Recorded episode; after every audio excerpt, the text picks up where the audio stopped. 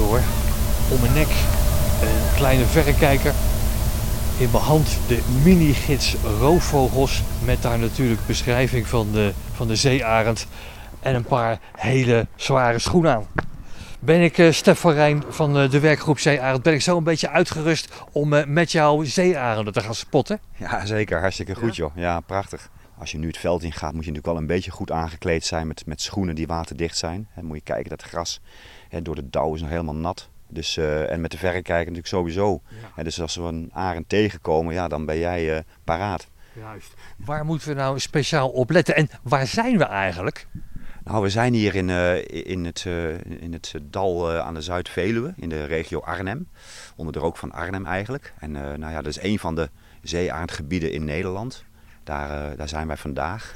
En nou, hier broedt al sinds 2020 een, een zeearend. Dus dat is nu al al, al vier jaar op een rij. En die is ook altijd succesvol. Behalve dit jaar is een jong gestorven. Maar dit is dus een van de locaties in Nederland. Hè. Dit jaar hadden we de 36 waar het gebeurt. En dat is best bijzonder dat dat, dat dat dan hier in Oost-Nederland ook is. Ja. Hier in de buurt zit een zeearend. Nou, we hoeven niet te dichtbij te komen. We hebben de verrekijkers bij ons. Waar moeten we op letten? Nou, we moeten gewoon heel goed opletten op, op als er eentje vliegt dus uh, we hoeven alleen maar naar boven te kijken. Als er een zeearend langskomt, merken we het meteen, want uh, dan ontstaat er paniek. Er zijn hier overal ganzen, hebben we net gezien. Hè. Er is één groot uh, feest met grauwe ganzen, dus er zijn overal ganzen aan het, aan het fourageren. Zodra er een arend op de wieken gaat, gaan al die ganzen omhoog. Dus dat zien wij direct.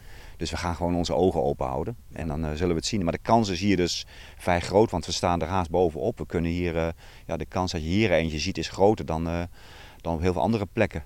Ja. Er is hier voldoende te eten voor de zeearend. Er is voldoende water waar hij het vis kan halen. Er is voldoende landerijen waar hij eh, af en toe eens een, eh, een gansje kan eh, verschalken.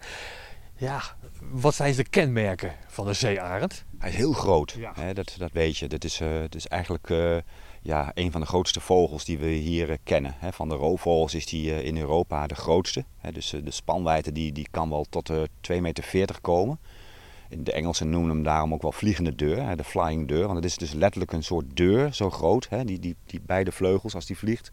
Dus het is een enorm ding en nou, 4, 5 kilo zwaar. Dus dat, als dat hier door de lucht gaat, ja, dan, uh, dan zie je wel direct dat het, iets, uh, dat het geen buizerd is, zeg maar. Ja, ja.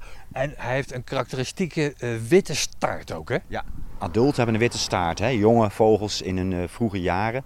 De zeearenden die zijn pas na, na verloop van een aantal jaren geslachtsrijp en dan zijn ze nog gewoon bruin. En uh, ja, in de loop van die jaren ruizen hun veren natuurlijk. En dan krijgen ze langzamerhand krijgen ze dus een witte staart en ook een lichtere kop.